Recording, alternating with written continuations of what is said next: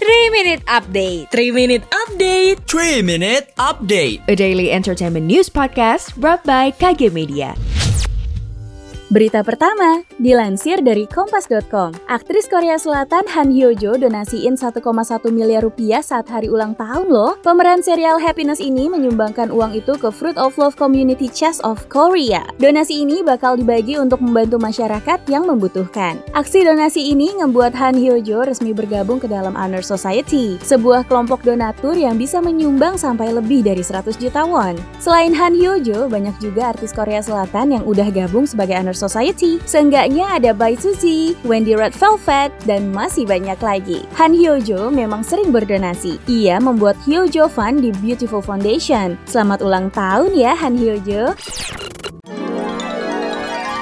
Katanya sih kesempatan nggak datang dua kali. Lewat obrolan singkat ini, kita akan mengingat kembali pengalaman sekali seumur hidup yang unik, susah dilupain, dan mungkin nggak akan datang dua kali. Siapa tahu momen nostalgia ini bisa jadi pelajaran hidup yang reflektif sekaligus bahan hiburan. Di bawah santai aja sambil dengerin Daniel dan Sesa di podcast Momen, Satu Kali.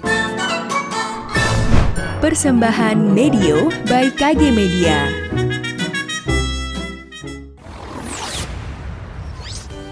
Kita beralih ke berita selanjutnya. Dilansir dari grid.id, salah satu presenter tanah air Hesti Purwadinata bagikan pengalaman mistis saat rawat inap. Setahun yang lalu Hesti terpapar COVID-19 dan harus dirawat di rumah sakit. Kemudian satu malam Hesti ngerasa rohnya lagi dipeluk oleh makhluk halus. Saat membagikan kisah ini, Hesti juga bilang kalau dia ngeliat jiwanya dipeluk dan keluar dari tubuhnya. Hesti mengaku dirinya sensitif merasakan kehadiran makhluk halus. Hih, serem banget ya.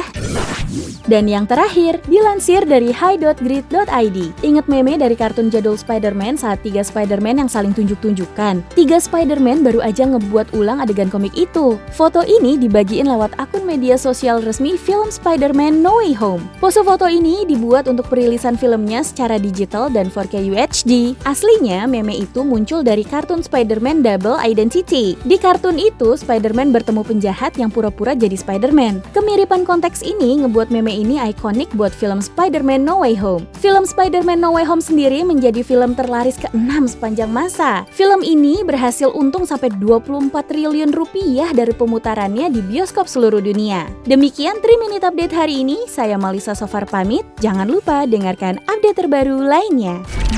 Sekian update malam ini. Sampai ketemu di 3 Minute Update selanjutnya.